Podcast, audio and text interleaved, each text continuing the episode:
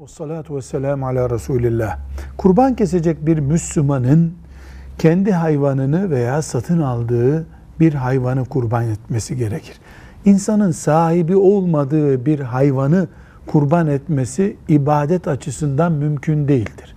Sahip olmak için de ya bahçende olacak ya sana hediye edilecek yahut da paranla satın alacaksın. Velev ki borçlu olsun. Tartalım, keselim hayvanı, Kestikten sonra bağırsaklarını, işkembesini, kemiklerini çıkaralım. Olan eti tartarız, et fiyatından alırız şeklinde. Henüz sahiplenmemiş olduğu hayvanı kesmesinin fıkıh açısından caiz olmayacağını düşünüyoruz. Parası verilmiş, pazarlığı bitmiş ya da borç olarak miktarı belli, parası verilmiş bir hayvan kurban edilebilir. Kestikten sonra et hesabı yapılarak e, kurban etmek mümkün değildir. Velhamdülillahi Rabbil Alemin.